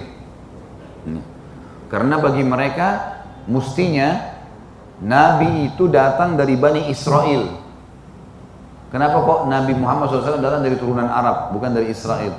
Jadi mereka anggap membenci Jibril. Apa urusannya? Nggak ada hubungannya. Jibril AS tugas, dapat tugas dari Allah. Tapi seperti itulah. Jadi makna yang dikatakan Abdullah mengatakan Abdullah bin Salam ya. Jadi ini bukan Abdullah sahabat Nabi, tapi ini pendeta tadi. Kan namanya Abdullah bin Salam ya. Rasulullah SAW bersabda, adapun tanda kiamat yang pertama adalah api mengumpulkan manusia dari timur ke barat. Ini tentu ada bahasan di Minhajul Muslim yang sudah kita bahas yang lalu ya. Kalau Bapak Ibu sudah lupa atau tidak teringat atau ada yang belum ikut bisa ikutin di YouTube. Ada ceramah kita bahasan Minhajul Muslim dan nanti akan kita balik ke situ insya Allah nanti pada saat surga neraka ini selesai. Di situ ada bahasan tentang tanda-tanda hari kiamat di antaranya ada api yang keluar dari wilayah Aden, kota Aden di Yaman. Ini yang dimaksud oleh Nabi SAW. Kemudian beliau mengatakan sedang makanan pertama ahli surga adalah kelebihan hati ikan. Atau bahasa termnya sebenarnya adalah hati ikan. Hati ikan. Kemudian yang pertanyaan ketiga adalah adapun keserupaan pada anak jika laki-laki menyetubui istrinya lalu spermanya mendahuluinya maksudnya mendahului istrinya ya jadi laki-laki lebih dulu klimaks, baru istrinya. Maka anak itu menyerupainya. Dan jika air wanita atau ovum mendahului, maka ia menyerupainya. Abdullah bin Salam mengatakan, aku bersaksi bahwasanya engkau adalah Rasulullah. Engkau adalah Rasulullah. Kemudian ia mengatakan, wahai Rasulullah, syahadatlah. Si Abdullah bin Salam lalu dia mengatakan, Wahai Rasulullah, kaum Yahudi adalah kaum pendusta. Abdullah bin Salam menceritakan tentang kaumnya. Jika mereka mengetahui keislamanku sebelum engkau bertanya kepada mereka, maka mereka mendustakanku di hadapanmu. Artinya, mereka pasti akan bilang, kalau anda bilang, Abdullah bin Salam masuk Islam tuh, pasti mereka mendustakan anda. Mereka bilang tidak mungkin. Kemudian kaum Yahudi datang, diundang oleh Nabi SAW. Undang, datang kaum Yahudi, Abdullah bin Salam disuruh masuk ke dalam rumah. Maksudnya di sini adalah masuk ke dalam salah satu rumah sahabat di sebelah masjid. Rasulullah SAW bertanya kepada orang-orang Yahudi yang datang. Dan termasuk yang datang adalah yang nanti Nabi SAW menikahi anaknya, Huyai bin Akhtab. Ini pimpinan Yahudi juga, kepala suku Nazir. Yang Nabi SAW akhirnya menikah dengan anaknya Sofia binti Huyai radhiyallahu anha, tapi ayahnya meninggal dalam keadaan kafir tentunya. Nah, salah satu yang datang ini adalah ayahnya Sofia. Nabi SAW bertanya kepada orang-orang Yahudi, bagaimana siapa orang yang bernama Abdullah bin Salam di antara kalian? Bagaimana kedudukannya Abdullah bin Salam itu? Mereka menjawab, orang yang paling pandai di antara kami. Anak orang paling pandai di antara kami. Maksudnya ayahnya pun orang terpintar kami, dia pun orang terpintar kami ulama kami dan anak ulama kami. Maksudnya dia ulama kami sekarang kena hafal Taurat, ayahnya pun juga begitu ulama kami. Rasulullah SAW bersabda, apa pendapat kalian jika Abdullah memeluk Islam? Mereka menjawab, semoga Allah melindunginya dari hal itu. Orang-orang Yahudi, semoga tidak masuk Islam gitu. Kemudian Abdullah pun keluar menemui mereka seraya mengucapkan asyhadu an la ilaha illallah wa anna Muhammad Rasulullah. Aku bersaksi tidak yang berhak disembah kecuali Allah dan bahwa Muhammad adalah utusan Allah. Mereka lalu mengatakan Tiba-tiba orang Yahudi mengatakan dia orang yang paling buruk di antara kami. Dan anak orang paling buruk di antara kami. Mereka pun akhirnya mendustakannya. Tapi saksi bahasan yang kita ingin titik beratkan adalah disebutkan salah satu makanan dari surga adalah hati ikan. Tentu di sini Bapak Ibu sekalian sudah saya jelaskan di awal pembukaan. Jangan bayangkan hati ikan antum yang ada di pasar sini, ya. Ini ikan di surga lah melihatnya kata Nabi kata Nabi SAW kepada Abu Bakar tadi tentang burung itu kalau kau memakannya lebih zat, lebih lezat daripada cuma sekedar melihatnya atau burung itu menikmatin hal tersebut. Dan tidak ada lagi rasa tidak enak di surga. Karena semuanya kesempurnaan. Gitu kan? Seperti itu. Dan kita tidak menemukan tentunya ada rincian lebih jauh. Ini seperti apa hati ikan ini? Ya sudah kita imani apa adanya. Dan kita tahu kenikmatan surga sifatnya abadi yang terakhir adalah hadis Nabi Shallallahu Alaihi Wasallam diriwayatkan oleh Ibn Abi Dunya secara mauquf Al Hafidh Mundri mengatakan dalam tarjib sanatnya bagus. Abu Umamah radhiyallahu anhu mengatakan sesungguhnya seorang dari ahli surga ingin minum dari minuman surga. Lalu sebuah teko datang dan jatuh di tangan, maksudnya terletak di tangannya. Ia pun meminumnya, kemudian kembali ke tempatnya sendiri. Jadi kalau dia mau minum, tekonya datang sendiri ke dia. Dituang sendiri, dia minum, dilepas, terbang sendiri kembali ke tempatnya. Ini yang disampaikan. Maka Bapak Ibu sekalian kita ambil pelajaran dari kasus seperti ini. Bagaimana kesempurnaan surga yang luar biasa, tidak bisa dibayangkan. Makanya Bapak Ibu sekalian istiqomah di jalan Allah, istiqomah. Ini butuh istiqomah saja. Dan saya sudah bilang cara istiqomah tiga. Ya. Pertama, rajin nuntut ilmu, itu harus hadir di majelis ilmu begini penting. Dari majelis ilmu ke majelis ilmu. Ini majelis ilmu mendatangkan keimanan. Iman kalau sudah datang merubah orang dari buruk menjadi baik. Ya. Kemudian juga orang bodoh menjadi pintar, orang kafir menjadi mukmin, berubah semua. Majelis ilmu penting. Kalau tidak bisa hadir, misal Bapak Ibu lagi sibuk, ada kegiatan, dengarkan. Sekarang media sudah sangat luar biasa. Dari HP, dari mana kita dengarkan beli DVD-nya atau apalah kita dengarkan semua. Tapi sekarang sudah lebih mudah dari HP. Semua sudah ada program internetnya, bisa bayar bulanan, bisa nonton dan seterusnya. Dengarin. Ibu-ibu lagi masak dengar, bapak-bapak lagi perbaikin motornya, mobilnya di rumah, lagi bantu istri hari libur dengar ceramah. Itu penting. Ilmu itu penting. Bunyikan setiap ceramah itu dalam rumah seharian. Itu ilmu lebih kita lebih kita butuhkan daripada makanan pada saat kita lapar ilmu itu penting. Dan tidak ada kata-kata cukup. Nggak ada cukup. Kata ulama ilmu syar'i itu ilmu agama. Kalau engkau memberikan seluruh hidupmu dia hanya memberikan sepertiga dari dirinya atau setengah dari dirinya. Kalau bapak ibu 24 jam belajar sampai mati itu kita masih belum bisa kuasain semuanya. Apalagi orang kalau cuma seminggu sekali atau sebulan sekali atau kapan ada kesempatan. Padahal ini ilmu lebih penting daripada makanan di saat kita lapar. Karena dia makanannya ruh kita. Ini cara istiqomah yang pertama Cara istiqomah yang kedua, amalkan ilmunya. Jangan cuma datang belajar. Amalin. Berapa banyak Bapak Ibu, berapa kali Bapak Ibu sudah dengar tentang fadilah sholat malam? Pertanyaannya sudah diamalin belum? Kita tahu tuh. Setiap orang ustadz baru bilang sholat malam itu begini. Oh iya, saya sudah pernah dengar. Iya, tapi diamalin nggak? Dan caranya harus dipaksakan. Paksa, nggak bisa nggak.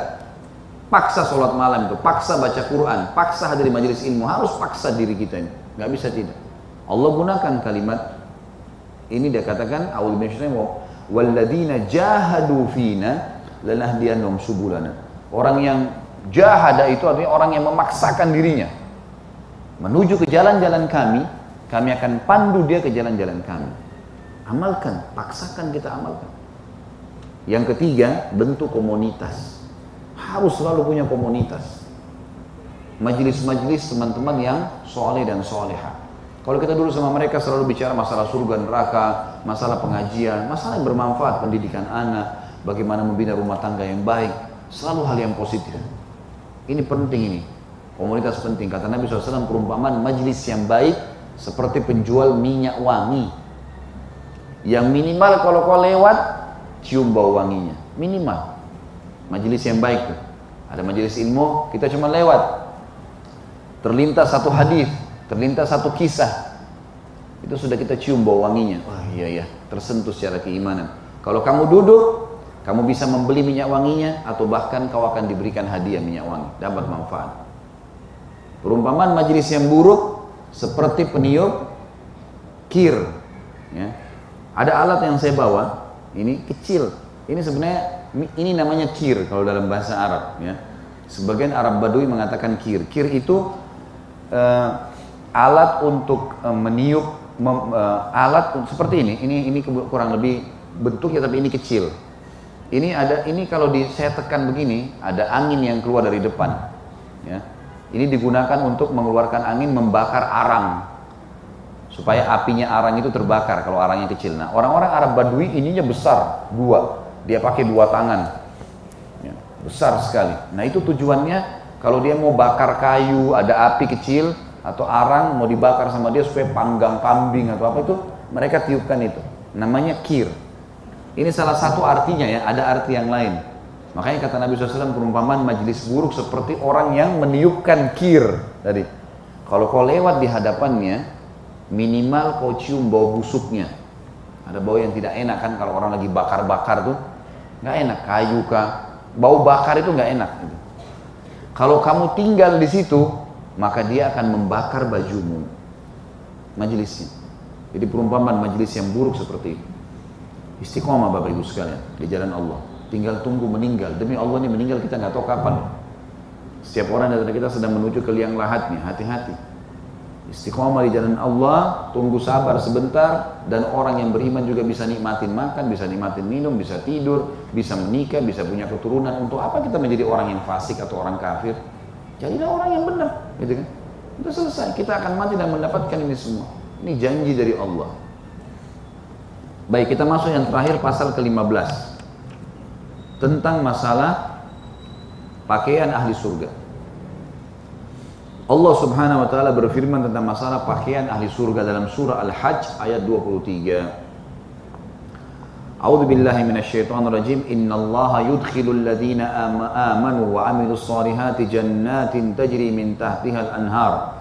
Jannatin tajri min tahtiha al-anharu yuhallawna fiha min asawira min dhahabin wa lu'lu'a wa libasuhum fiha harir. Sesungguhnya Allah memasukkan orang-orang yang beriman dan mengerjakan amal yang saleh dalam surga-surga yang di bawahnya mengalir sungai-sungai. Di sungai itu mereka diberi perhiasan di surga itu maaf, di surga itu mereka diberi perhiasan dengan gelang-gelang dari emas dan mutiara dan pakaian mereka dari sutra, kainnya, bahannya dari sutra. Tentu ada ayat lain menyebutkan tentang dibaj, ya, harir. Di baj dan harir ini juga termasuk sutra, tapi ada sutra yang tebal dan sutra yang tipis. Tentu ulama mengatakan di surga tidak ada musim dingin, tidak ada musim panas. Jadi mereka pun mau pakai baju tebal, nyaman saja. Mereka pakai baju tipis, nyaman saja. Cuacanya akan selalu cocok buat mereka. Dalil yang kedua, surah Al-Insan ayat 21. Tadi surah nomor 76, ayatnya 21. Kita mulai dari ayat 10. Surah Insan ayat 10. Tadi sempat saya bacakan di bahasan kita sebelumnya sampai ayat 9. Ya, masih ingat kan? Tadi. Sekarang kita masuk ayat 10 sampai ayat nanti saksi bahasan kita 21. Ayat 10-nya, tadi ayat 9 kalau masih ingat, yang orang memberikan makan orang miskin tanpa berharap rasa ucapan terima kasih. Baik Allah mengatakan di ayat ke-10-nya, orang-orang yang jadi ahli surga juga adalah orang yang mengatakan, orang yang selalu mengatakan, Inna rajim, inna nakhafu min rabbina yauman abusan qamtarira. Sesungguhnya kami takut akan azab Tuhan kami pada suatu hari di mana hari itu orang-orang akan bermuka masam penuh dengan kesulitan. Fawaqahumullahu syarra dzalikal yawmi wa laqahum nadratan wa surura maka Tuhan memelihara mereka dari kesusahan hari itu dan memberikan kepada mereka kejernihan wajah dan kegembiraan hati. Wajazahum bima sabaru jannatan wa harira dan diberikan balasan kepada mereka atas kesabaran mereka dengan surga dan pakaian dari sutra. Jadi sabar itu Bapak Ibu sekalian ada tiga dalam tiga hal ya. Sabar dalam mengerjakan perintah Allah, sabar dalam meninggalkan maksiat Allah, dan sabar dalam menghadapi cobaan-cobaan. Tiga hal itu sabar. Jadi kita butuh sabar pada saat kita beribadah. Bapak Ibu duduk sini dua jam butuh kesabaran. Duduk, dengarin, butuh kesabaran. Gitu. Sabar dalam ketaatan Allah. Kita bangun tengah malam masih ngantuk. Tapi bangun, sabar, ibadah. Kita baru dapat duit, ada orang miskin lewat. Kita disunahkan memberikan, sabar, kasih. Harus sabar dalam ketaatan Allah. Berjihad, sabar. Ninggalin keluarga, pergi berperang, bisa dibunuh oleh musuh, sabar, lalui. Haji, berat, 9 jam naik pesawat, panas segala macam, sabar. Ya. Dalam ketaatan harus sabar. Gak bisa enggak. Memang butuh kesabaran. Juga yang kedua sabar meninggalkan kemaksiatan. Ada godaan Bapak Ibu sekalian. Dalam hidup kita ini pasti terlintas. Semua kita terlintas godaan. Harus sabar. Terlintas untuk berzina, ada peluang-peluang untuk itu terbuka. Ada orang yang menggoda, ada orang yang mengajak, ada kesempatan, ada peluang. Hah? Seseorang di antara kita kalau safar, Bapak Ibu safar, ini contoh saja, jangan disalahpahamin contohnya. Contoh, kalau orang lagi safar misalnya, kemudian dia sendiri nginap di hotel, terbuka nggak dia kalau mau berzina? Buka. Dia bisa telepon siapa saja, datang, minta. Dia orang sekarang fasilitas segala macam bisa dipanggil online segala macam, bisa dalam sama. Godaan ada. Kita mau duduk depan TV, mau nonton, tahu ada godaan, nonton berita, ada sebuah film action bagus, sabar, jangan lakukan karena akan mengganggu keimanan. Gak ada orang habis nonton lalu kemudian imannya bertambah. Hah? Kalau nonton film, gak ada ceritanya. Yang kita ada adalah bayangin artisnya, aktornya, ya terbawa dengan arus ceritanya. Akhirnya kita ucap-ucapkan dengan lisan. Hati-hati ya, tontonan mata dan pendengaran kuping ini akan memaksa lidah cerita. Tidak ada orang itu lihat sesuatu atau dengar sesuatu lalu lisannya diam. Susah. Ini nanti ini dipaksa oleh ini dua untuk bicara. Akhirnya dicerita sama dia filmnya yang dia nonton. Walaupun cuma sekedar kasih gambaran, baik kalau orang lain tonton gara-gara dia cerita. Ada orang masya Allah cara marketingnya luar biasa gitu. Ya. Nonton sedikit film, semua dunia bisa dibuat nonton sama dia. Bagus itu begini begitu, saya terharu, saya segala macam. Jadi masalah. Harusnya hati-hati, terbuka, sabar, jangan kerjakan maksiat. Ada godaan, tapi tahan. Sabar. Yang ketiga sabar dalam cobaan-cobaan datang. Sakit, kehilangan harta, gangguan orang. Sabar. Allah maha melihat kok. Tuhannya orang yang caci maki kita dengan Tuhan kita sama.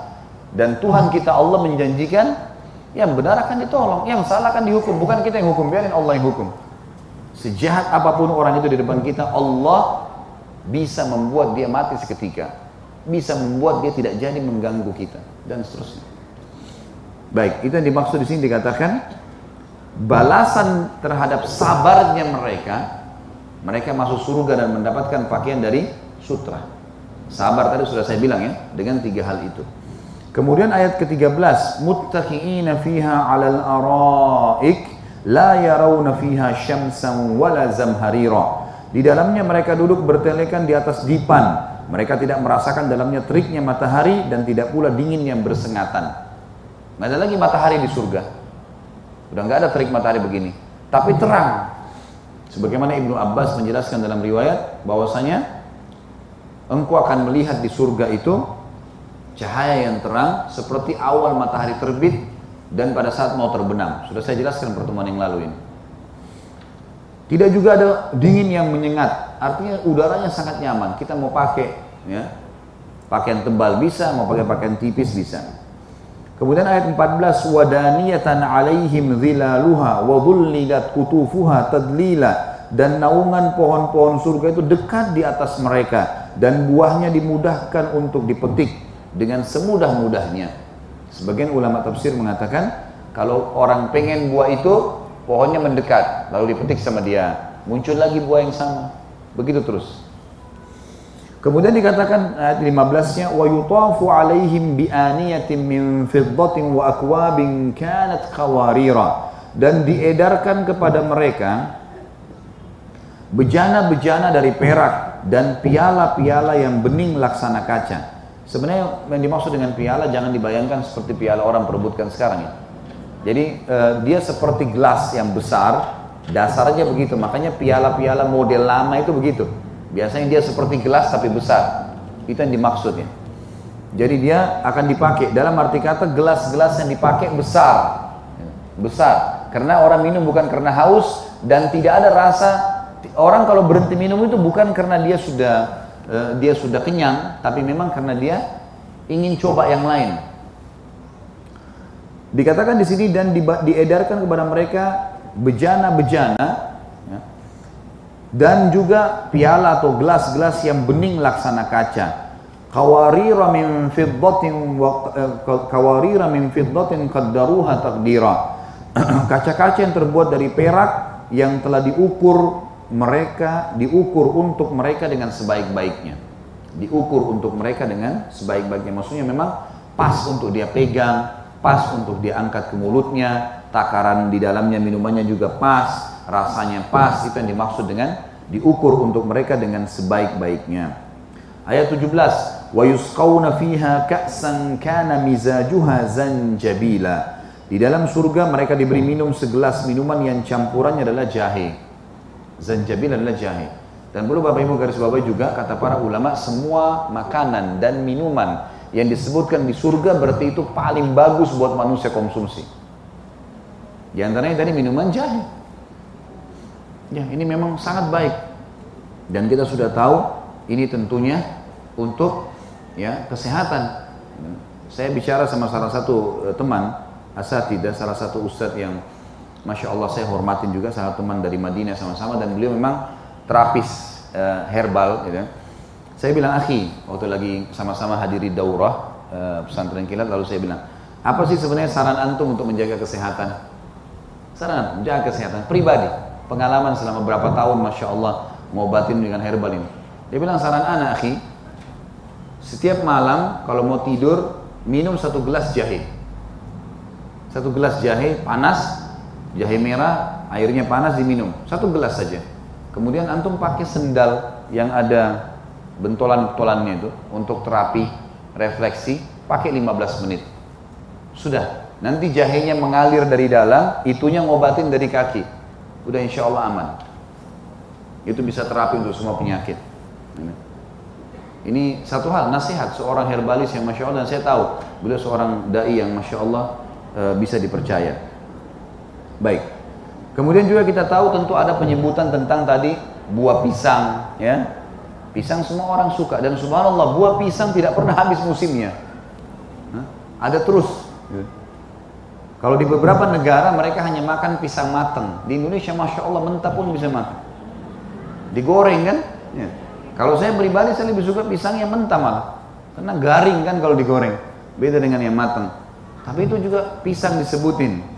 Ada nanti disebutin juga anggur. Ada disebutin juga delima dan seterusnya. Ini intinya kalau disebutin dalam Al-Quran tentang makanan surga pasti baik buat kesehatan kita. Konsumsi, cari tahu tentang masalah itu, nama-namanya lalu konsumsi. Ya.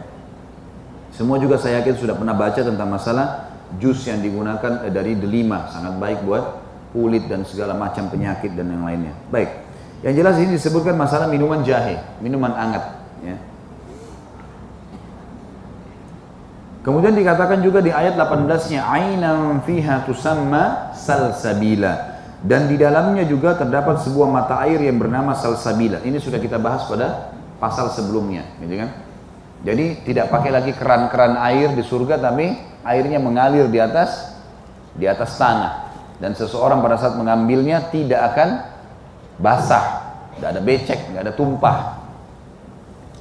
Di ayat 19, wa yatufu alaihim wildanun mukhalladuna idza ra'aitahum hasibtahum lu'lu'an mansura. Dan mereka dikelilingi oleh pelayan-pelayan muda yang tetap muda di sini ada dua istilah pelayan di surga. Ada namanya wildan mukhalladun. Ini laki-laki. Pelayan-pelayan laki-laki. Kalau hurun in itu pelayan perempuan. Jadi surga ada pelayan, dua jenis pelayan. Nah ini kebetulan disebutkan ayat 19 adalah pelayan laki-laki yang selalu muda dan tetap muda kata Allah. Apabila kamu melihat pada mereka, ahli surga pada mereka, kamu akan mengira bahwasanya mereka seperti mutiara yang bertaburan. Allah selalu menggunakan bahasa-bahasa yang tinggi sekali, ya. Yang orang kalau berpikir ini memang sudah sampai pada puncak keindahan. Jadi karena gagahnya, karena bersihnya bajunya, karena rapinya seperti mutiara yang bersebaran. Jadi mutiara kalau kita sebarin di sebuah atas meja kaca disorotin sama lampu, gimana dia jadi indah kelihatan? Itu kata Allah wildan itu seperti itu. Sama dengan pada saat Allah menggambarkan bidadari surga, gitu ya, yang bisa kelihatan isi uh, dari belakang batok lututnya, ya. saking jernihnya seperti itu. Allah swt memberikan gambaran kepada kita ini tentu untuk memberikan gambaran uh, bagaimana sempurnanya nanti pelayan-pelayan di surga. Kemudian ayat 20, wa idza ra'aita thamma ra'aita na'iman wa mulkan kabira. Dan apabila kamu melihat ke sana, di sana nanti di surga, niscaya kamu akan melihat berbagai macam kenikmatan dan kerajaan-kerajaan yang besar. Karena setiap ahli surga seperti satu raja. Nanti akan ada hadis kita bahas nanti insya Allah ke depannya. Itu disebutkan dalam sebuah hadis setiap ahli surga memiliki dia sendiri di satu istanahnya 10 ribu pelayan. Sementara ahli surga bisa punya ribuan istana. Berarti berapa juta pelayannya dia? Nanti akan kita bahas ada pertemuan ini insya Allah di pertemuan akan datang yang eh, bahas masalah masalah pelayan-pelayan di surga. Masalah bidadarinya, bidadarahnya, jumlahnya mereka. Dan sampai nanti ada ahli surga yang pada saat dia masuk ke surga dia lihat ada orang yang tampan sekali sampai kaget dia bercahaya dan dia mengatakan apakah kau salah satu dari malaikat kata dia bukan saya adalah pelayan anda surga. Ini cuma istiqomah dapat ini semua. Hah? Nggak ada lagi istilahnya pembantu lari, Hah? supir berhenti, nggak ada sudah. Ini pelayan yang abadi, 10 ribu satu istana, 10 ribu orang. Itu luar biasa. Ini. Ayat 21, ini yang jadi saksi bahasan tadi. Tapi saya rentet dari awal supaya jelas apa yang dikasih oleh Allah SWT. Kata Allah, "Aliyahum thiyabu sundusin khudrun wa istabraq wa hullu asawira min fiddatin wa saqahum rabbuhum syaraban tahura." Mereka memakai pakaian sutra halus yang hijau dan sutra tebal. Jadi sundus adalah sutra yang halus, ya, yang lembut, yang baik. Dan istabrak adalah yang tebal, biasa dipakai untuk musim dingin.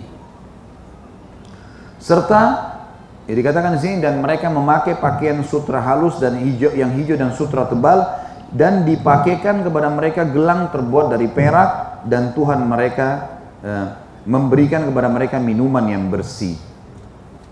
Perhatikan sampai sini saksi bahasan ya. Ayat 21 ini disebutkan oleh penulis buku. Saya akan tambahkan dua ayat di sini, maaf. Eh, baik, saya akan baca sampai akhir surah karena cuma sampai 31 ya sampai ayat 31 saja. Jadi alhamdulillah hari ini surah Al-Insan ini semua 30 ayat sudah kita baca ya, sudah kita tadaburi. Sekarang kita masuk ke ayat 22-nya. Setelah Allah sebutkan masalah baju dari sutra dan diberikan minum yang suci, Allah mengatakan inna hadza kana lakum jazaa'u wa kana sa'yukum mashkura.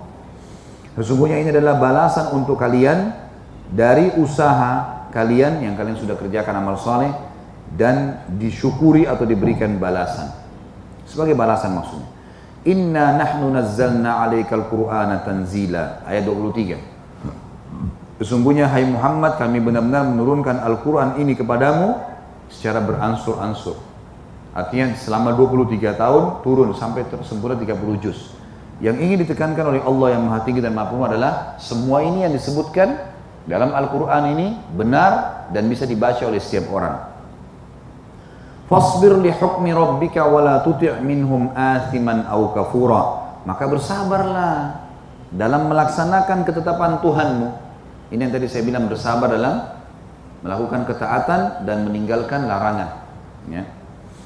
Tentu kalau yang sabar terhadap musibah dan cobaan di Al-Baqarah 155 dalilnya. Maka bersabarlah kalau yang masalah sabar dalam ketaatan dan meninggalkan maksiat ini Al-Insan ayat 24. Eh, Maka bersabarlah kau hai Muhammad dan tentu suruh umatnya juga semuanya untuk melaksanakan ketetapan Tuhanmu, perintah atau larangan. Dan janganlah kamu mengikuti orang-orang yang berdosa dan orang-orang kafir di antara mereka. Orang berdosa jangan jadikan teman, orang kafir juga jangan diikutin. Rabbika bukratan wa asila dan sebutlah selalu nama Tuhanmu berzikir di pagi dan sore hari. Dan kita sudah tahu sudah disunnahkan membaca zikir pagi dan sore. Wa minal laili fasjud lahu. Dan untuk masuk surga itu, maka pada sebagian malam sujudlah kepadanya kepada Allah dan bertasbihlah kepadanya pada bagian yang panjang dari malam hari itu. Salat, berzikir, baca Quran, itu yang menyebabkan kalian masuk surga di malam hari. Inna haula'i yuhibbuna al-ajilata wa yadharuna wara'ahum yawman yawman thaqila. Sesungguhnya mereka orang-orang kafir menyukai kehidupan dunia dan mereka tidak mempedulikan kesudahan mereka pada hari yang berat, maksudnya di akhirat nanti. Nahnu khalaqnakum wa shaddadna asrakum asrahum nahnu khalaqnahum wa shaddadna asrahum Wa idza syi'na baddalna amsalahum tabdila. Kami telah menciptakan mereka dan menguatkan persendihan tubuh mereka. Allah sampaikan kepada kita. Kenapa mereka tidak mau patuh? Apabila kami kehendaki, kami sungguh-sungguh bisa mengganti mereka dengan orang-orang yang serupa dengan mereka. Allah matikan kita semua, Allah gantikan orang yang beriman. Bisa Allah lakukan. Inna hadhihi tadhkirah. Faman syaa'a ila rabbih sabila. Sesungguhnya ayat-ayat Al-Quran ini adalah suatu peringatan. Maka barang siapa yang menghendaki kebaikan buat dirinya sendiri, supaya selamat masuk surga, selamat dari neraka, niscaya dia mengambil jalan menuju ke Tuhannya.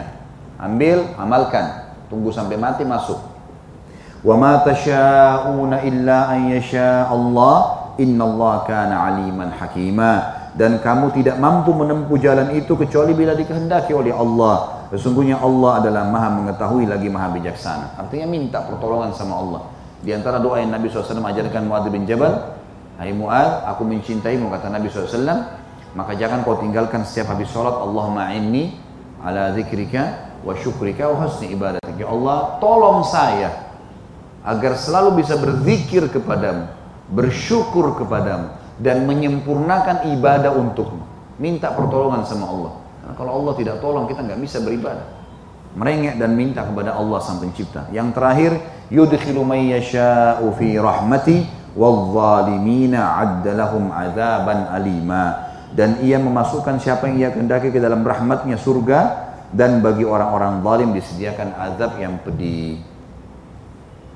Inilah ayat Al-Quran surah Al-Insan. Kita akan baca sabda Nabi sallallahu alaihi wasallam. Yang pertama adalah hadis Nabi riwayat Imam Muslim. Abu Hurairah anhu meriwayatkan bahwasanya Nabi SAW bersabda, "Man yadkhulul jannah yan'am wa la yab'as wa la tabla thiyabuh wa la yafna shababuh." Siapa yang masuk surga, maka ia akan mendapatkan kenikmatan dan tidak akan pernah menderita. Pakaiannya tidak akan pernah usang dan masa mudahnya tidak akan pernah habis. Begitu terus abadi. Khalidina fiha. Beda dengan dunia. Ada masa kita bayi, ada masa kita anak-anak, ada masa kita tua, ada masa kita sakit, ada sehat, ada sedih, ada senang. Di akhirat semuanya abadi dalam kenikmatan. Hadis yang kedua adalah hadis Nabi SAW diriwayatkan oleh At-Tabarani dengan sanad sahih dan juga dinyatakan oleh Hafid Al-Mundri dalam At-Targhib. عبد الله بن Abdullah bin Mas'ud روايات كان sabda النبي صلى الله عليه وسلم أول زمرة يدخلون الجنة كأن وجوههم ضوء الكمر ليلة البدر. والزمرة الثانية على لون أحسن كوكب دري في السماء. لكل واحد منهم زوجتان من الحور عين. على كل زوجة سبعون حلة. يرى مخ سوقهما من وراء لحومهما وحول وحول وحوللها كما يرى الشراب الأحمر من زجاجة البيضاء. Rombongan pertama yang masuk surga wajahnya mereka laksana cahaya bulan purnama. Insya Allah kita termasukin dan rombongan kedua wajah mereka laksana bintang yang bersinar paling terang di langit. Masing-masing mereka dari kalangan laki-lakinya akan mendapatkan dua istri dari bidadari. Dan ini sudah pernah saya bahasakan, kalau di surga berbeda kehidupannya. Karena berpoligami, itu sudah sunnatullah. Masing-masing istri memiliki 70 gaun sutra yang isi kedua betisnya terlihat dari balik dagingnya dan gaunnya sebagaimana minuman berwarna merah terlihat dari kaca yang putih. Ini yang disebutkan tentang ciri bidadari sebagaimana disebutkan ciri bidadara kaum laki-laki. Dan tentu kalau istri di dunia akan menjadi pemimpin para bidadari sebagaimana sudah pernah saya jelaskan. Yang kata Nabi SAW kalau wanita ahli surga dari orang yang di dunia masuk surga itu pimpinan para hurun in, para bidadari. Dan kalau dia turun di bumi dan satu kain di rambutnya dihentaskan, maka akan menyebar bau wanginya ke seluruh bumi ini.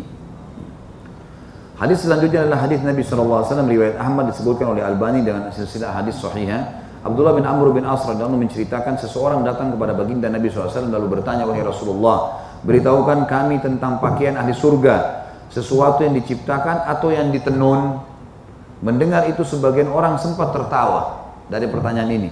Maka Nabi SAW bertanya terhadap apa kalian tertawa? Terhadap orang bodoh yang bertanya pada orang yang tahu? Kenapa harus tertawa? Apa yang ditertawakan? Orang bertanya tentang pakaian ahli surga sesuatu yang dijanjikan. Wajar orang bertanya. Ini termasuk peringatan bagi orang yang kadang-kadang tertawa pada hal yang tidak perlu. Majelis ilmu tertawa kalau perlu memang apa boleh, memang lucu, memang sesuatu wajar. Tapi kalau ada orang bertanya terus diremehkan, ini nggak boleh. Apalagi sesuatu yang penting, memang kita butuh informasi tentang surga. Lalu kemudian Rasulullah SAW berbalik dan bersabda, mana orang yang bertanya tadi?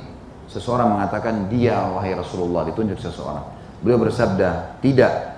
Jadi bukan ditenun, tidak, tetapi terbelah dari buah-buahan surga.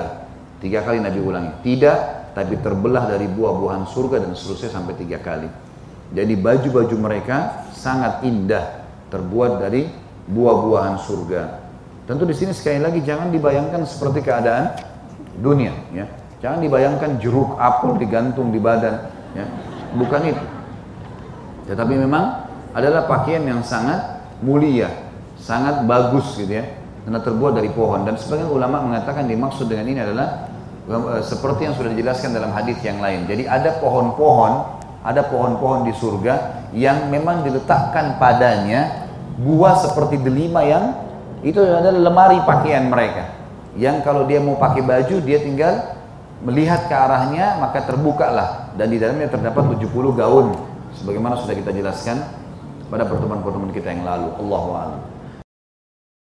Kita berdoa kepada Allah Subhanahu wa taala semoga semua amal yang pernah kita kerjakan diterima olehnya dan semua dosa yang pernah kita kerjakan sekecil sampai sebesar apa pun dimaafkan dan diganti dengan kemakmurannya menjadi pahala dan semoga saja sisa umur kita diisi dengan amal soleh, ketaatan, keberkahan di harta, di keturunan, di umur dan puncaknya kita masuk surga tanpa hisab.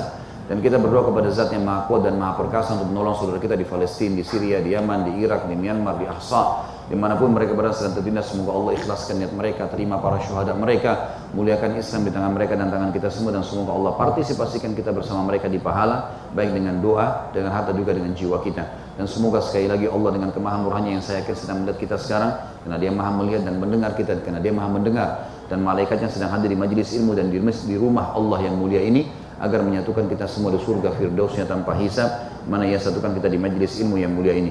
Sebelum ke majelis, saya mengajak seperti biasa mendatangi web resmi di www.khalidbasalama.com untuk mengambil ceramah, sangat terbuka untuk diberikan nasihat kalau ada yang salah, dirasa manfaat silakan disebar. Dan jangan terpengaruh dengan cuplikan-cuplikan ceramah yang menyebarkan fitnah atau menyebarkan sesuatu yang tidak baik atau menjatuhkan seorang muslim yang tidak ada manfaatnya bahkan akan hanya menjadi musuh pada hari kiamat. Mungkin begitu Bapak Ibu sekalian, semoga bermanfaat kalau ada benar dari Allah, kalau salah dari saya mohon dimaafkan. Subhanakallahumma bihamdika asyhadu an la ilaha illallah astaghfirullah wa. Wassalamualaikum warahmatullahi wabarakatuh.